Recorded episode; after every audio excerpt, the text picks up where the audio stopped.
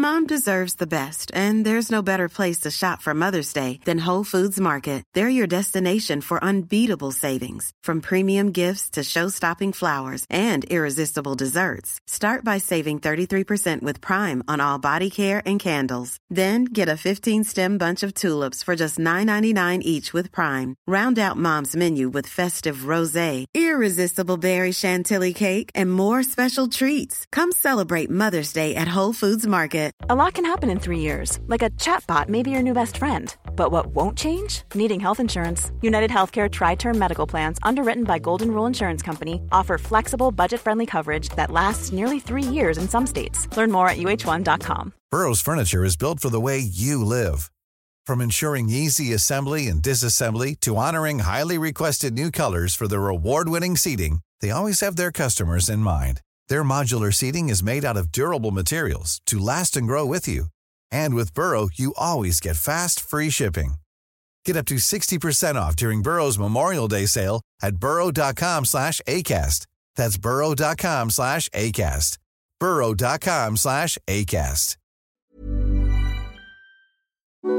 I can discuss some of the psychological aspects of the case. You've got to get a hold of yourself. Now look here, Johnson, I'm going to get to the bottom of this.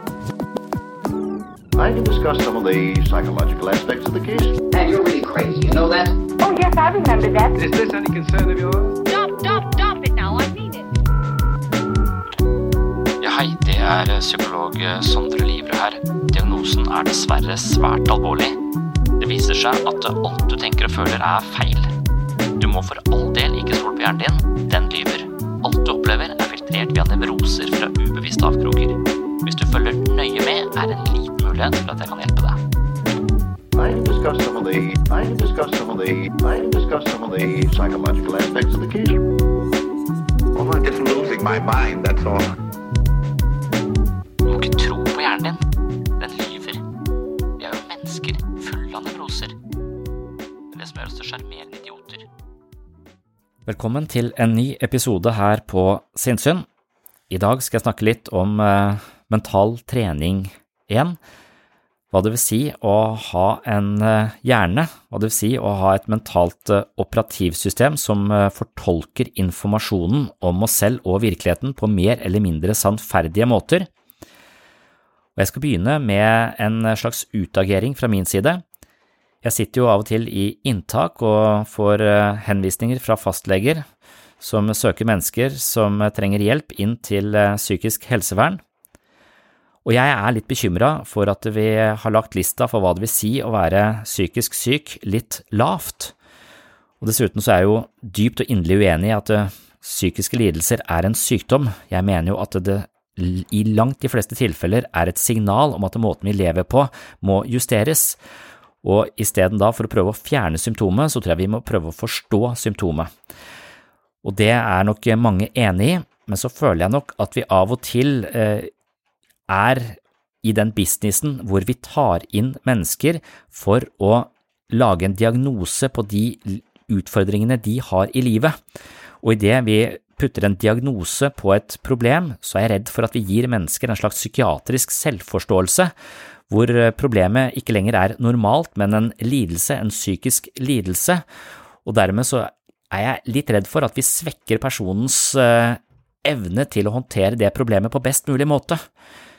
Så veldig ofte så syns jeg vel at en del psykiske plager kanskje ville vært tjent med en litt annen retorikk, sånn at vi for eksempel tenkte om det å konsentrere seg som en egenskap man må trene opp og vedlikeholde, og hvis man ikke har evnen til å konsentrere seg, så kan det være fordi man har trent for lite, eller fordi man bruker for mye tid på telefonen, som stimulerer vår refleksive bevissthet og gjør at vårt eget fokus, altså det fokuset, den viljestyrte fokuset som vi selv bestemmer over, blir svakere og svakere fordi det er så mange stimuli som fanger vår oppmerksomhet i løpet av en dag.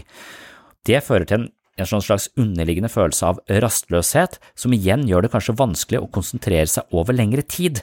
Og Hvis man da tenker at det er en nevrologisk skavank i mitt eget hode, går til fastlegen og ber om en henvisning for uh, å utrede ADHD, så tror jeg kanskje det kan være en slags uh, forkrøpling av uh, problemforståelsen, hvor man egentlig kanskje måtte tenkt at måten jeg lever på, fucker opp min egen hjerne, her må jeg gjøre noe, og jeg må kanskje legge fra meg telefonen, men det er ganske utfordrende å legge fra seg telefonen, det vet jeg selv, fordi jeg er digital junkie og delvis avhengig av den telefonen selv, men jeg jobber med problemet, og jeg har også merket at min konsentrasjonsevne har eh, vært dalende gjennom de siste åra.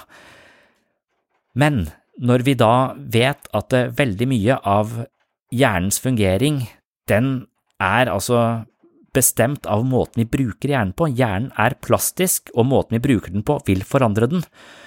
Og da tenker jeg at det å hele tiden bruke enorme ressurser på å utrede for en eller nevrologisk forklaring på menneskers manglende konsentrasjonsevne, så tror jeg kanskje at det er en, en, unnvikelse av det egentlige problemet. Det sørger for at vi kan fortsette å leve på samme måte, men så får vi outsourca årsaken til konsentrasjonsproblemene til en diagnose som eventuelt kan forløses med et uh, amfetaminlignende preparat.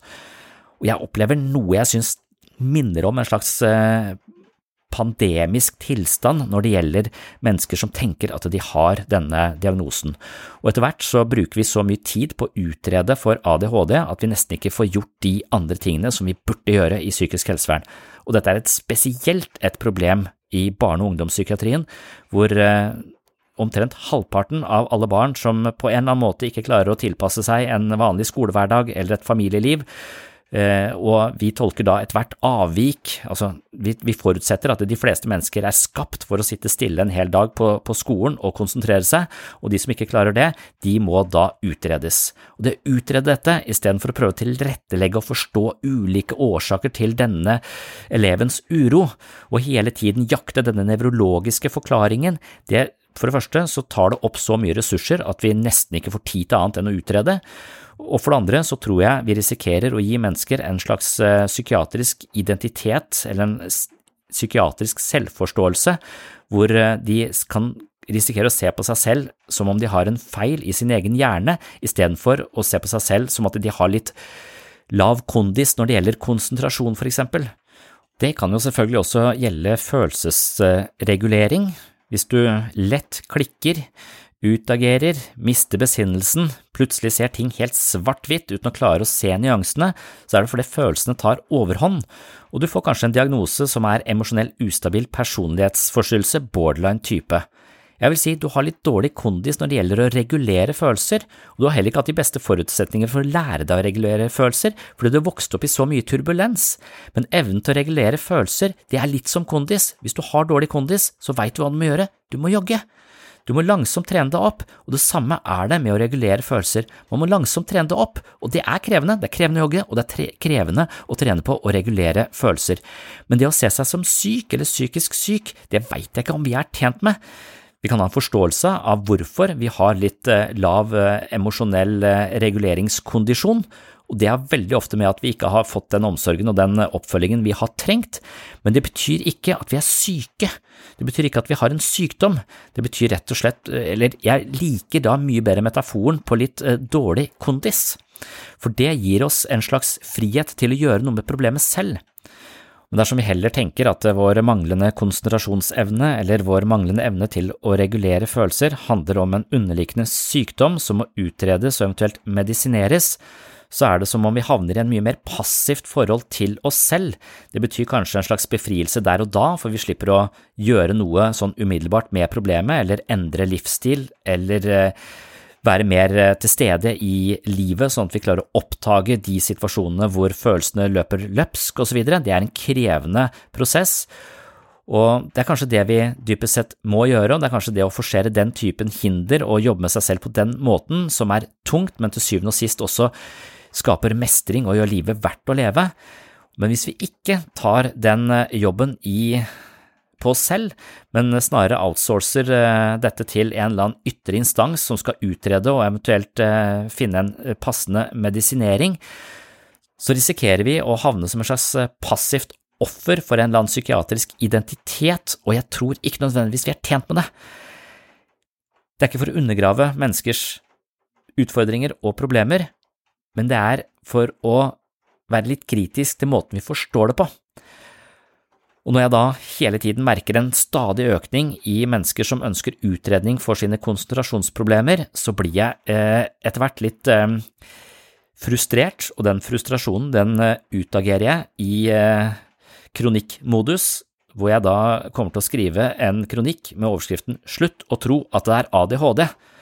Og den kronikken den tror jeg kan virke litt krenkende. Jeg tror den er skrevet når jeg er ganske frustrert over en sånn slags flodbølge av ADHD-utredningsbehov.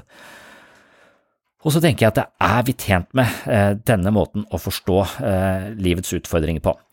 Og jeg vil innlede dagens episode med denne kronikken som jeg ennå ikke har turt å sende noe sted, fordi jeg er redd for at den nettopp er ganske krenkende, og jeg skjønner at en kronikk på 5000 tegn med mellomrom, den vil jo da ikke inneholde alle de nyansene jeg helst ville hatt med, og den vil heller ikke være så, hva skal man si, ja, omsorgsfullt skrevet at den tar hensyn til menneskers nødvendigvis opplevelser og å ha det vondt og vanskelig i livet, og derfor så tror jeg kanskje at den ikke blir sendt noe sted, men at det heller var min måte å, å avreagere på etter et, en lang dag i inntak hvor nesten halvparten av henvisningene dreide seg om mennesker som trengte en utredning for ADHD. Så dermed så blir det starten. Hvis du syns dette her er på kanten eller rett og slett unyansert og frekt, så må du gjerne henvende deg via mail eller via sosiale medier. Men som sagt så er det mange nyanser her som ikke kommer med, og det er mer å prøve å zoome ut og se på de store linjene, samfunnsperspektivene, på hvordan vi etter hvert begynner å se det å ha utfordringer i livet, og etter hvert kanskje gir flere og flere utfordringer en eller annen diagnostisk kategori, og er vi tjent med det, er vel spørsmålet mitt.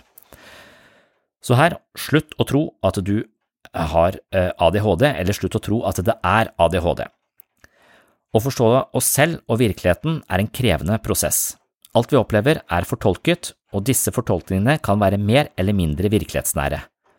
Ofte faller vi for fristelsen til å fortolke noe på en måte som gir oss mindre ansvar eller en følelsesmessig lettelse i øyeblikket, men fremtvinger en unyansert virkelighetsoppfattelse som svekker vår livskompetanse på lengre sikt. Jeg er bekymra for klima, og jeg innser at jeg har en fråtsende livsførsel som er med på å tvinge moder jord i kne. Det er en stor kløft mellom min måte å leve på og mine idealer og miljøvern. Denne kløften er smertefull, og det vil være behagelig å stemme på et parti som både avlyser og avviser klimaendringer, men jeg tror det vil svekke min evne til å leve bærekraftig. Altså er denne smerten viktig. Kulturen er full av fortellinger som tilbyr oss enkle og forløsende forklaringer som fritar oss for ansvar, smerte og en mer realistisk livsbevissthet. Det evinnelige jaget etter utredning og diagnoser i psykisk helsevern fungerer nettopp som en slik avsporing. Istedenfor å se symptomene som viktige signaler, etablerer vi et spill som handler om å lete etter en diagnostisk kategori for problemet. Dette gjelder de fleste diagnoser, men ADHD er blant kolossene som i dag kveler kapasiteten i psykisk helsevern. Det finnes millioner av årsaker til at mennesker er rastløse og sliter med konsentrasjon. Men i psykisk helsevern bruker vi enorme ressurser på å jakte en nevrologisk forklaring som gir en enkel forløsning i et amfetaminlignende preparat. Studier av den russiske psykiateren Bluma Saigarnik har vist at mennesker opplever et mildt psykisk ubehag og en viss form for angst før en oppgave er gjennomført.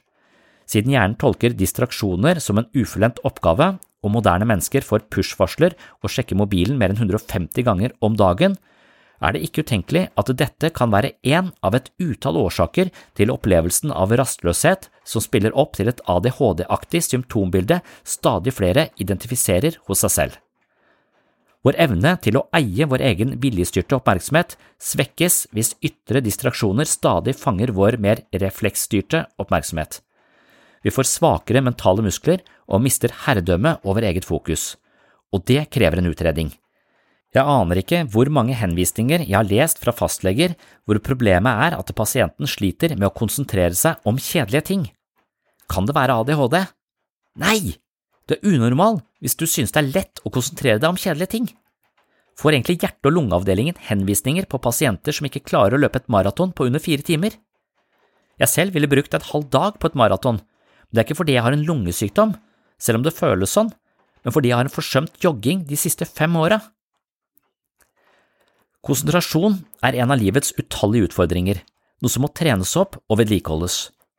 Noen har vokst opp i så mye turbulens at denne utfordringen er enorm, men kanskje er forsering av utfordringer selve meningen med livet.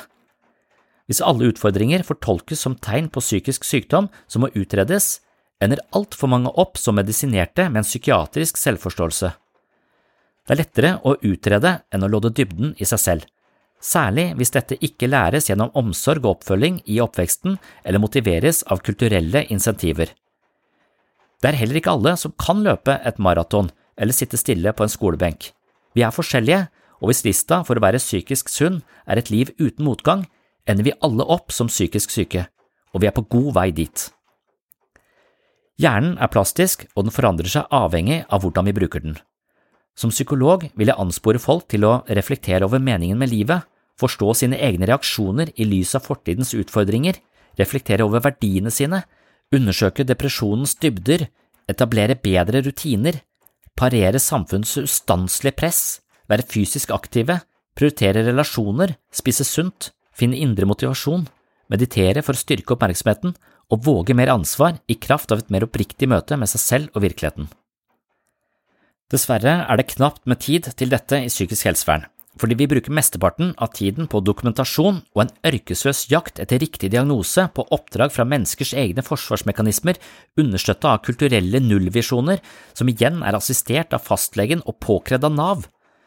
Psykisk helsevern spiller med på notene og institusjonaliserer vrangforestillingen om at det mangefasetterte subjektive utfordringer kan få en avgrenset og objektiv fasong med spesialistens magiske utredningsverktøy. Jeg foreslår å avlyse timevis med utredning og heller bruke tiden med klienter på å gjøre det som kanskje er krevende og smertefullt, men som til syvende og sist gir livet dybde og mening. Jeg mener ikke at all utredning er totalt verdiløst, men på grunn av samfunnets saliggjørende tro på utredningens mirakuløse effekter, bruker vi så mye tid på dette at det mer aktive hjelpetiltak kommer i bakleksa. Mange får ikke engang hjelp i psykisk helsevern fordi det er fullt og de som kommer inn, får en diagnose med begrensa behandling. Vi bruker timevis i psykisk helsevern på å jakte etter den riktige diagnosen, utredninger på utredninger og 600 standardiserte spørsmål for å finne ut hva er diagnosen istedenfor å tenke hva kan vi gjøre for å trene hodet på en sånn måte at jeg takler denne typen utfordringer mye bedre, klarer å regulere følelsene mine på en bedre måte, klarer egentlig å sette en stø kurs i livet mitt basert på en eh, nøye refleksjon over hva slags verdier jeg har, hva slags menneske ønsker jeg å være, lever jeg på en måte som dypest sett strider mot idealene mine, sånn som jeg gjør, altså at jeg har en eh, stor bekymring knytta til eh, moder jord, som eh, bærer meg og gir meg mat, men som jeg på sett og vis tar for gitt og ikke vier nok oppmerksomhet fordi jeg av og til dropper kildesortering og tar ikke inn over meg at eh, vi ikke lever bærekraftig og tenker bare på noe annet eller prøver å distrahere meg selv med et eller annet så jeg slipper å ta dette her på ramme alvor og det å ta det på ramme alvor, det er smertefullt. Da må jeg se meg selv, og jeg må se realiteten i øynene, og derfor så er det veldig eh, convenient å bare distrahere seg selv med et eller annet annet, eller lage en eller annen forklaring på at det går sikkert bra, eller eh, jeg håper nok det er noen som ordner dette her, altså ikke ta det ansvaret som eh, vi kanskje har som, som mennesker. Og jeg mistenker at jeg selv, som et vanlig strevende menneske, lager en hel haug av uh, fantasier som jeg bruker som et slags skjold mot en uh, mer virkelighetsnær forståelse av meg selv og verden rundt meg. Men det å avsløre disse unnvikelsesmanøverne og våge å se meg selv mer sånn som jeg egentlig er, og kanskje se verden mer sånn som verden egentlig er, vel vitende om at jeg aldri kommer til verden i seg selv, altså jeg får ikke en direkte forståelse eller en fullstendig forståelse av verken meg selv eller virkeligheten, men dette kan nærme meg en mer virkelighetsnær forståelse. Det er vel det jeg tenker selvutvikling dreier seg om, men veldig ofte så hyller jeg meg inn i fantasier som gjør at jeg slipper for det ansvaret og kan leve mer behagelig her og nå, men prisen jeg betaler er altså en slags forvrengt oppfattelse av virkeligheten, og det svekker min livskompetanse, mener jeg, på lengre sikt. Og jeg er av og til redd for at psykisk helsevern fungerer som en sånn eh, fantasi hvor man eh, kan eh, outsource de utfordringene man har til en eller annen diagnostisk kategori, og at det egentlig trenerer en utviklingsprosess snarere enn å skape en slags plattform for forandring. Det er ikke alltid sånn, men det kan være sånn, og i de tilfellene hvor det er det, så synes jeg at jeg tilhører et system som kanskje da gjør vondt verre, eller tilbyr en eller annen narrativ som gjør at du får en ganske enspora forståelse av dine egne utfordringer, og at du da blir litt sånn passiv i forhold til den, eh, nettopp den forståelsen av dine utfordringer, og da ikke bruker eh, energien din på å finne andre forklaringer og andre eh, forløsende strategier som kan være med på å skape vekst og utvikling. Og jeg mener jo at eh, det å leve så oppriktig som mulig, forstå våre egne kildekoder, forstå hvordan eh, vi motiveres i ulike retninger, det er en del av eh, selvutvikling. Og for å forstå dette på en mer oppriktig måte, så må vi inn i brukermodus på oss selv, og det er tema for dagens episode. Nå har det jo vært tema ganske lenge her at jeg har utagert litt mot en del diagnostiske kategorier og en psykiatrisk selvforståelse, men jeg vil avslutte da dagens eh, episode med noen refleksjoner over hva det vil si å være superbruker på seg selv, istedenfor å bare være fanget av sine vante forklaringer og sine automatiske problemløsende strategier, som da vi er i brukermodus, så kan det være lurt å tappe inn eller logge inn som superbruker på seg selv, og ikke bare tenke for å komme seg gjennom dagen, men å tenke på hvordan vi tenker for å komme oss gjennom dagen. Og Det er jo et gjentagende tema her på eh, podkasten, og det er også det jeg eh, dypest sett kaller mental trening, da, ulike strategier på å koble inn som superbruker på seg selv. Og istedenfor å tenke på seg selv som eh, psykiatrisk eh, syk eller eh, psykologisk invalid, så tenker jeg at man kan eh, forstå seg selv som fanget i brukermodus, og da trenger hjelpemidler for å tappe inn som superbruker på seg selv. Og når jeg da etablerer det jeg kaller et mentalt treningsstudio, så er det jo for å presentere ulike øvelser og forståelsesmodeller som kan hjelpe oss å lirke oss inn i en slags metakognisjon, eller superbrukermodus, på oss sjøl, sånn at vi nettopp kan eh, overvåke kildekodene, sånn at automatikken vår i livet ikke blir å gå til fastlegen og få en medisin hver gang vi føler et eller annet ubehag i eh, livet, men at det ubehaget kanskje kan være et slags signal om at her må du bore ned for å forstå de dypere lagene i dette symptomet.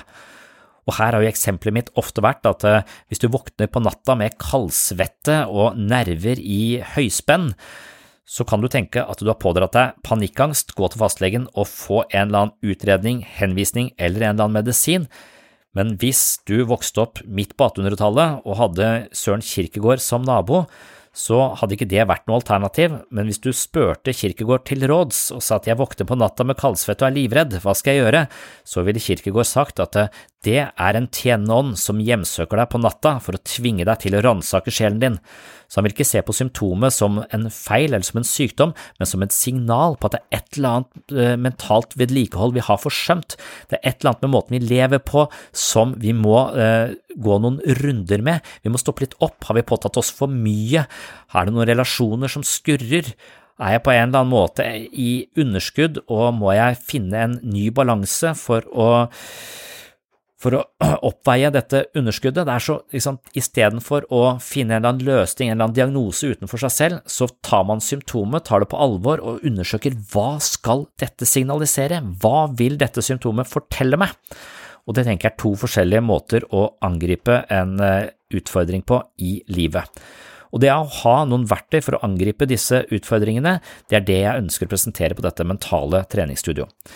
Og da benytter jeg også anledningen til å reklamere. Hvis du er privatperson og vil ha et medlemskap på mitt mentale treningsstudio, så kan du gå til patron.com for seg sinnssyn og tegne et abonnement der, og som abonnent så støtter du dette prosjektet jeg har med å nettopp snakke om disse tingene til folk flest. da.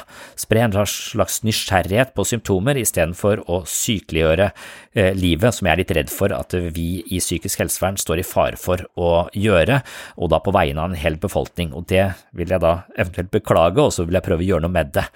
Altså, psykiske symptomer er ikke nødvendigvis en sykdom, det er en form for manglende kondis som kan trenes opp, og det er det jeg ønsker å tilby på dette mentale treningsstudioet. Og hvis du jobber i en bedrift hvor du tenker at det å være medlem på et sånt eh, treningsstudio kunne være interessant for eh, de ansatte i den bedriften, så kan du tipse sjefen din, for nå har jeg endelig klart å etablere en plattform som tilbyr bedriftsabonnement på dette mentale treningsstudioet. Så med det sagt så går vi til dagens episode, som skal dreie seg litt om å være superbruker på seg selv. Oh, I'm just losing my mind, that's all.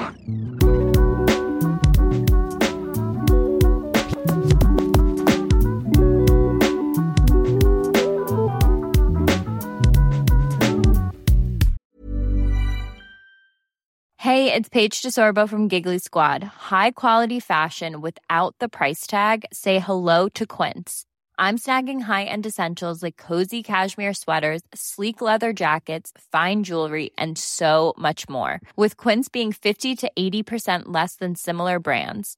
And they partner with factories that prioritize safe, ethical, and responsible manufacturing. I love that. Luxury quality within reach. Go to quince.com slash style to get free shipping and 365 day returns on your next order. Quince.com slash style. Hiring for your small business? If you're not looking for professionals on LinkedIn, you're looking in the wrong place. That's like looking for your car keys in a fish tank. LinkedIn helps you hire professionals you can't find anywhere else, even those who aren't actively searching for a new job but might be open to the perfect role. In a given month, over 70% of LinkedIn users don't even visit other leading job sites. So start looking in the right place. With LinkedIn, you can hire professionals like a professional. Post your free job on linkedin.com slash people today. Burrow is a furniture company known for timeless design and thoughtful construction and free shipping. And that extends to their outdoor collection. Their outdoor furniture is built to withstand the elements, featuring rust-proof stainless steel hardware, weather-ready teak, and quick-dry foam cushions.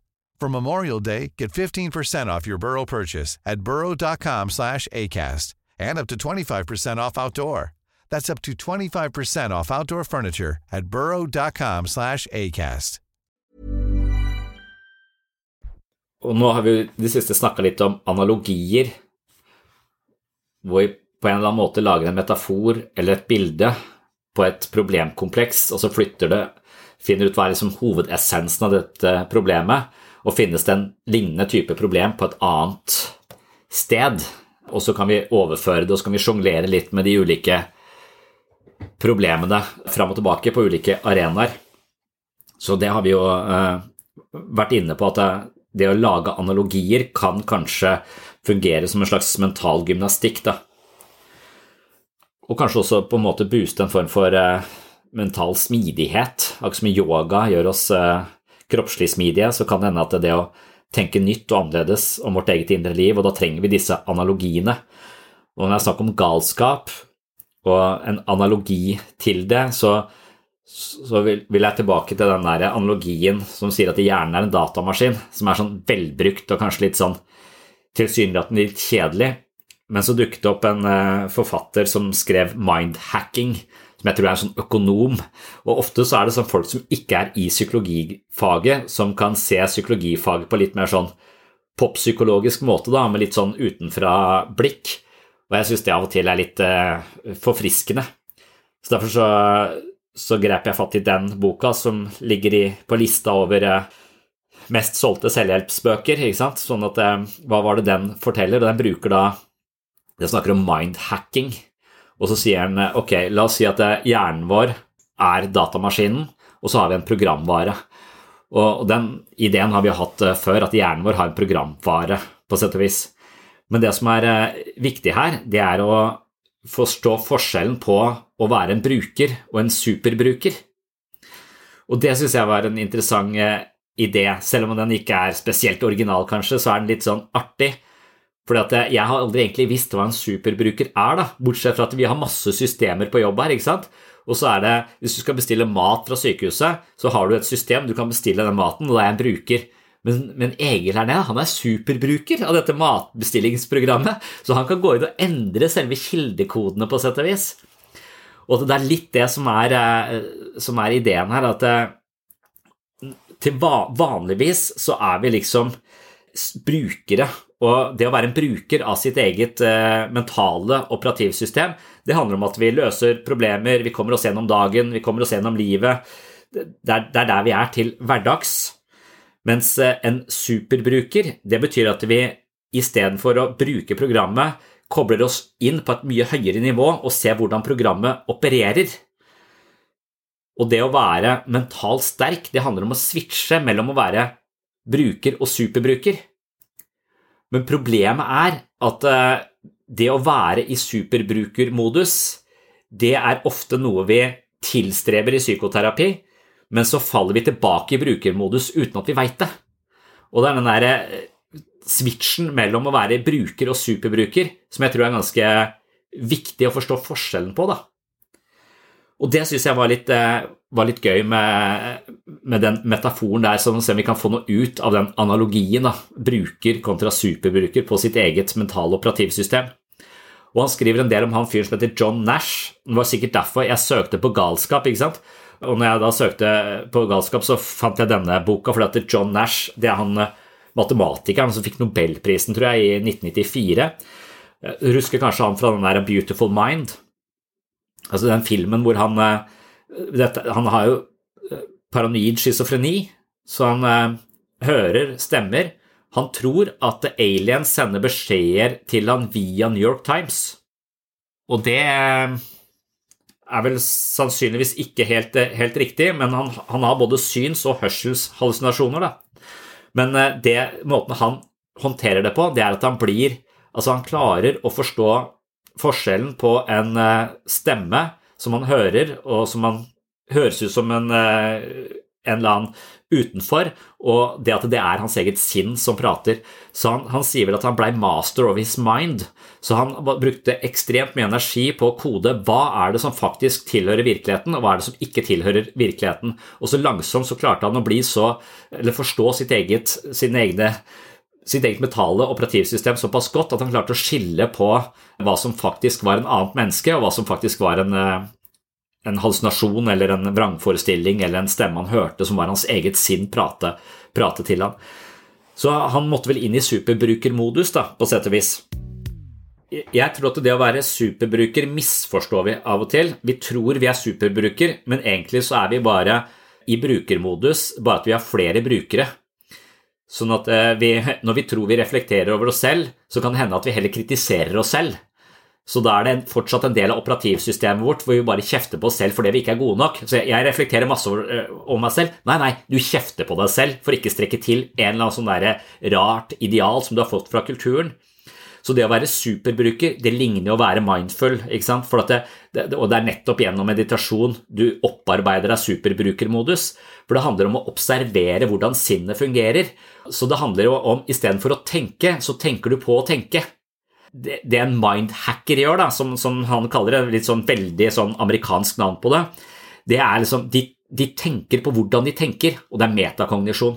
Så det å være i superbrukermodus det handler om å observere hvordan tankene oppstår fra det ene øyeblikket til det andre. Men med en gang du da tar stilling til det og tenker nei, sånn går det ikke an å tenke, så har du ofte bare sklidd tilbake i brukermodus og begynt å kjefte på deg selv. Så det er det at vi hele tiden på en måte uten at vi legger merke det, bare eh, glir tilbake i brukermodus og klarer ikke å beholde superbrukermodus over lengre tid, så at vi får noe særlig innsikt av betydning. Så vi tenker nei, jeg prøver det, jeg har forstått det. Så, så, så, så, egentlig så driver man bare og reflekterer og setter ulike brukere opp mot hverandre som mener forskjellig. Det er egentlig en bug i systemet. da. Så superbrukermodus, altså en som er skikkelig sånn derre eh, En mester i mindhacking. Han er altså da en mester i å switche mellom tenkning og metatenkning. Eller bruker og superbruker. Og det er ikke det at superbruker er noe som vi skal være hele tiden, for det vil ikke være hensiktsmessig å hele tiden bare observere sinnet i bevegelse, på en måte. Det er litt som eh, Vi kan ha den fotballmetaforen igjen. Det er forskjell på å være ute på banen og sitte på tribunen og se på kampen. Og sånn må det være litt i livet vårt også. Vi må spille fotball, det er selve livet, men av og til må vi også observere hvordan vi spiller livet fra et litt høyere perspektiv. Så har vi, eh, har vi et hull i forsvaret her, eller eh, er, eh, har vi organisert dette laget på best mulig måte. Det er da superbrukermodus, altså metakognisjon. Det du spør om, er kanskje sånn det fins to typer oppmerksomhet, mener han. Det fins viljestyrt oppmerksomhet og refleksiv oppmerksomhet. Og viljestyrt oppmerksomhet det er den oppmerksomheten vi kanskje har nå. Hvis vi tenker over hva det vil si å være superbruker, så har vi aktivt gått inn for å tenke på noe. Men hvis noen plutselig roper navnet ditt, og du snur deg rundt, så har du mer en refleksiv oppmerksomhet som bare reagerer på stimuli utenfra. Og det er en sånn, sånn forskjell som, som, jeg tror har en, har en betydning, fordi jeg tror at det, vi i veldig stor grad lever i en tid hvor oppmerksomheten vår blir styrt utenfra. Og, og når andre da fanger vår oppmerksomhet, så blir vi selv ikke eiere av vår egen oppmerksomhet. Og dermed så faller vi tilbake hele tiden i en slags brukermodus som mer eller mindre er programmert av stimuli i omgivelsene rundt deg. Så det å koble inn på superbrukermodus det krever en viljestyrt oppmerksomhet til å være oppmerksom på det som foregår inni oss. Men jo mer av dagen som stimuleres i at vi blir fanget av stimuli utenfor oss selv, jo svakere blir den evnen til å beholde fokus på oss selv. Så det vil si at det, Bekymringen min med en iPad hos barna er jo at den hele tiden bare fanger de. Det er den iPaden som bestemmer hva de skal fokusere på. De har ikke selv, de er liksom ikke agenten i sin egen oppmerksomhet. De eier ikke nødvendigvis oppmerksomheten sin på samme måte, fordi at det kommer reklame her, det kommer reklame der, bla, bla, bla. Hele tiden så er vi, er vi fanget av sånne sånne stimuli utenfra, og den evnen vi da har til å eie vårt eget liv og vårt eget fokus, visner hen. Og når vi merker at fokuset vårt visner hen, så går vi til fastlegen og sier at vi har ADHD og trenger en utredning, for vi trenger Ritalin for å, for å gjenvinne oppmerksomhet. Og så, vi, så, kan vi fortsette å stirre på smarttelefonen vår, da. Og det, det er jo selvfølgelig en, en forferdelig utvikling hvor vi langsomt mister livet vårt. da. Ja, det er veldig convenient å bare gi barna sine en iPad. Altså, du enten ja, du kan, Det er litt følelse at du bare doper de ned litt, og så er de stille en stund. Men det er selvfølgelig helt forskjellige måter å bruke den iPaden på også, så det er ikke utelukkende negativt. Men jeg tror bare at det, verden krever så mye av oss at vi ofte befinner oss i brukermodus, og så prøver vi hele tiden, hvis ikke noe fungerer, så prøver vi bare å endre noe i verden der ute. Mens det vi egentlig trenger, er tilgang til kildekodene i vårt eget mentale operativsystem. Og det er det denne brukermodusen, eller denne superbrukermodusen har muligheten til. Det en superbruker kan gjøre, er å se på kildekodene i selve operativsystemet. Og når man skal da f.eks. lage et dataprogram, så bruker man kanskje sånn HTML-koding eller et eller annet sånt språk sant, på å kode ting. Og hvis den da ikke, ikke, fungerer, så må man kode om. Men da må man liksom være koderen. Og jeg tror det å fungere som koder på seg selv er eh, ekstremt eh, viktig. Å forstå sin egen kildekode, og den ser du ikke hvis du bare er programmet. Ja, jeg, jeg, tror barn leker fortsatt, og de leker på nye måter, og de har nye Så det er ikke nødvendigvis at det, det å være superbruker er bare en, noe vi er nødt til.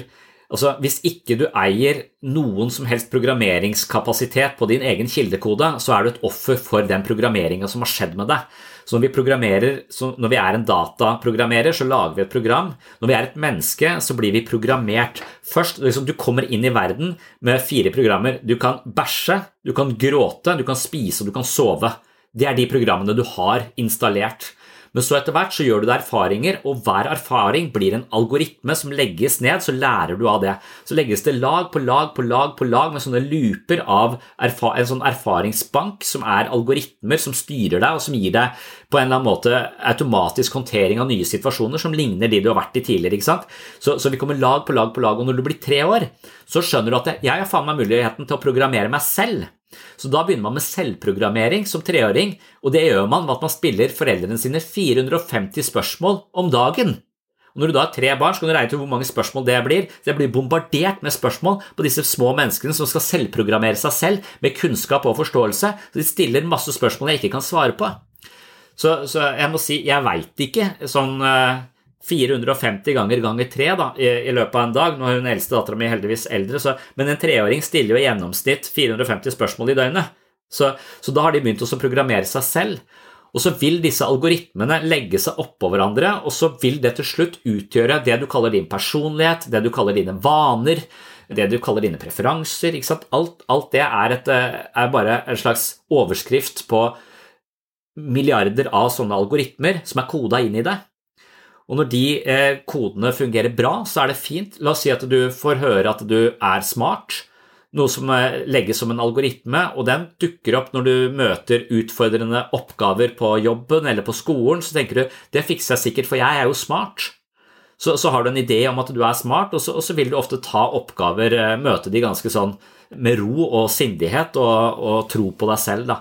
Motsatt så kan jo det være at du har fått beskjed om det motsatte, at du ikke er så smart, og at du heller unngår alle disse, disse oppgavene.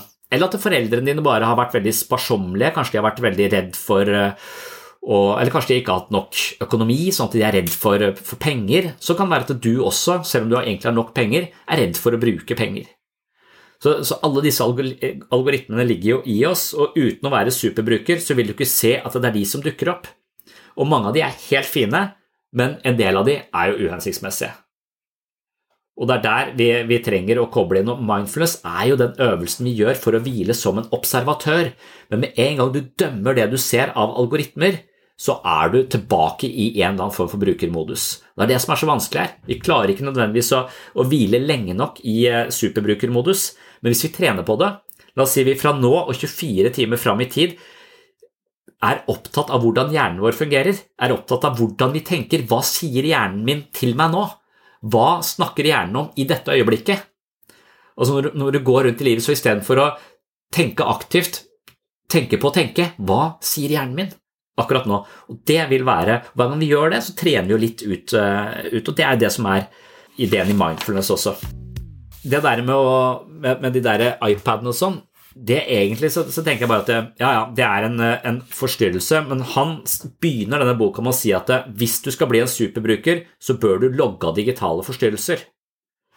Og det skjønner jeg, altså du bør slå av sånne notifications, fordi de vil hele tiden fange oppmerksomheten din. Du bør også eh, slå av, eller melde deg ut alle nyhetsbrev du ikke trenger.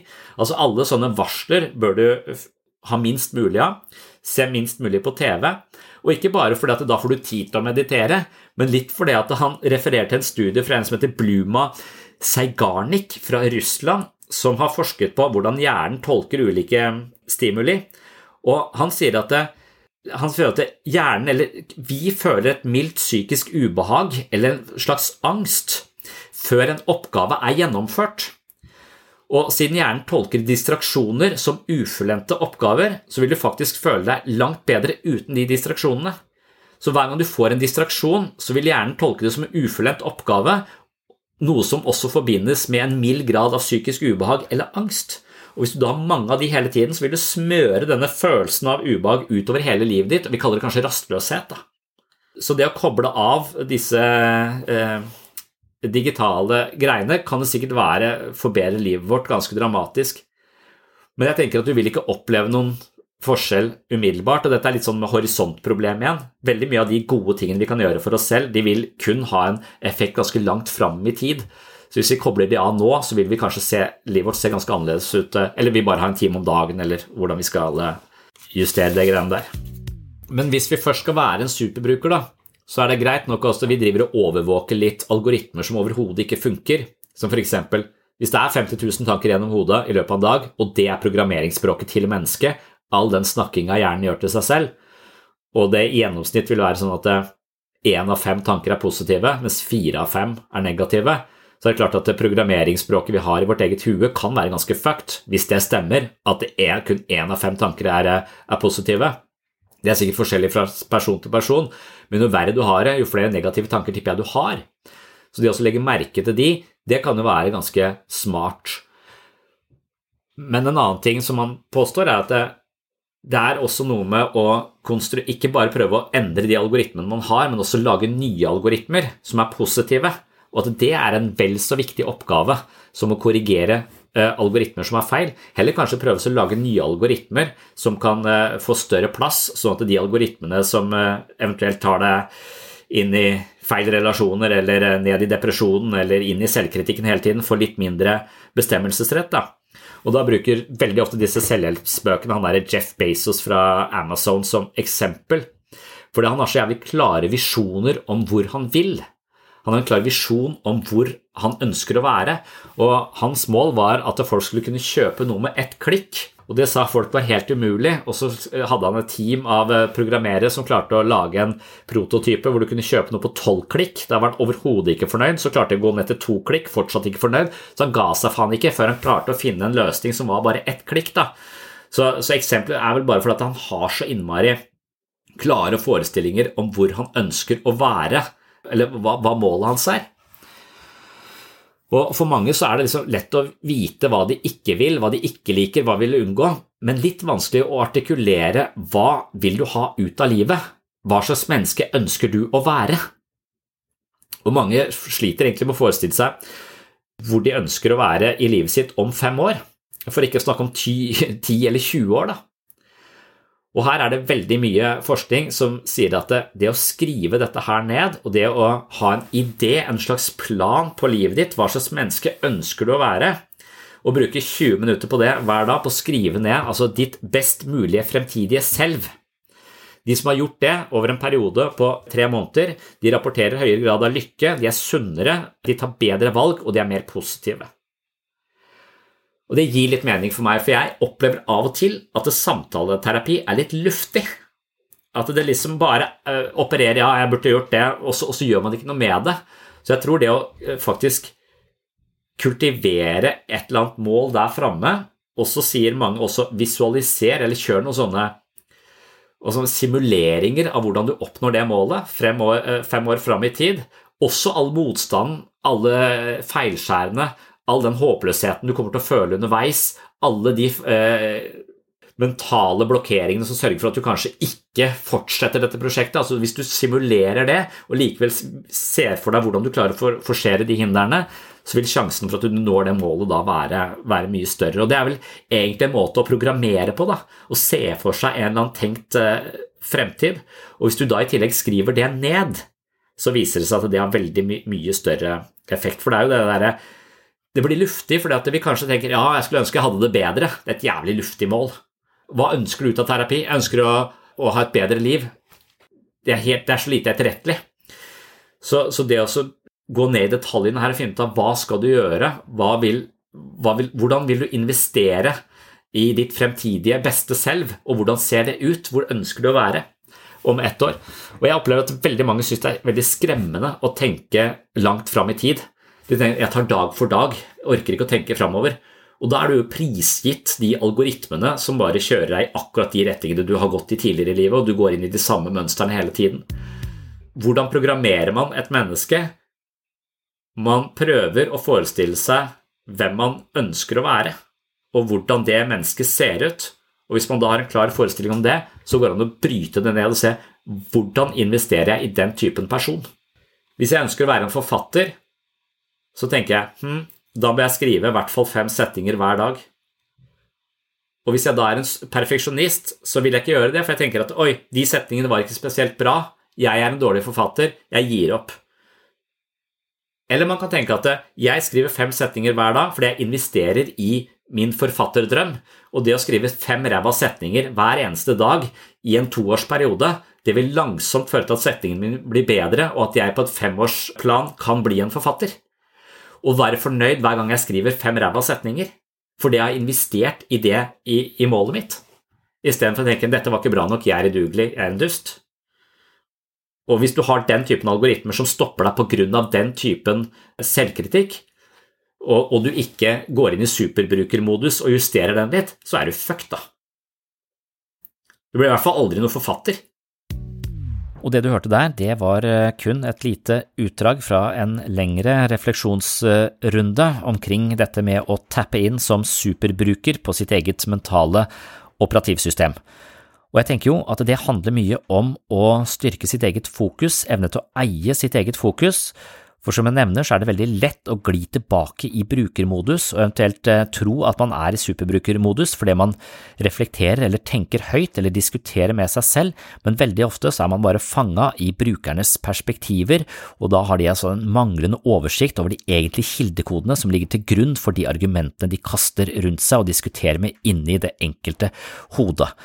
Så evnen til å være i superbrukermodus hvile som en observatør til hjernens fabrikkering av ulike opplevelser, det er en treningssak. Det handler om å styrke sitt eget fokus. Det kalles jo oppmerksomhetstrening, og det kan man gjøre gjennom meditasjon, men det er også en haug av andre strategier man kan bruke og flere øvelser man kan gjøre for å tappe inn som superbruker.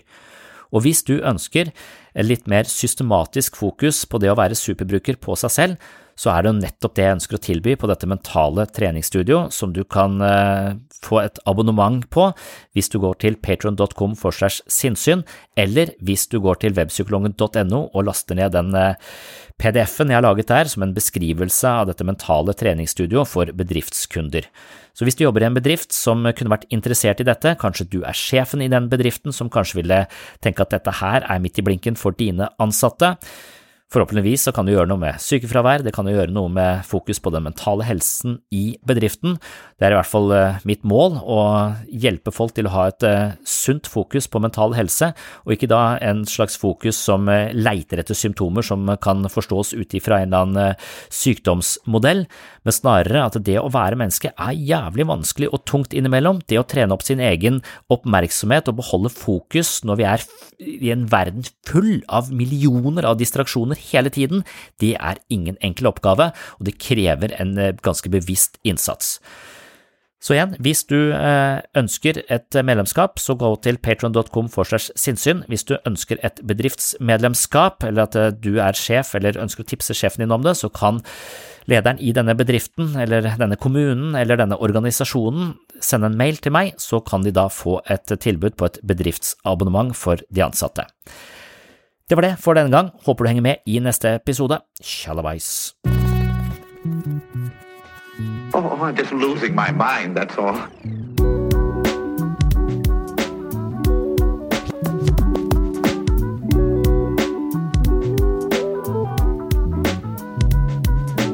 I can discuss some of the I can discuss some of the I can discuss some of the psychological aspects of the case. Psycho, psycho, psychological aspects of the case. You've got to get a hold of yourself.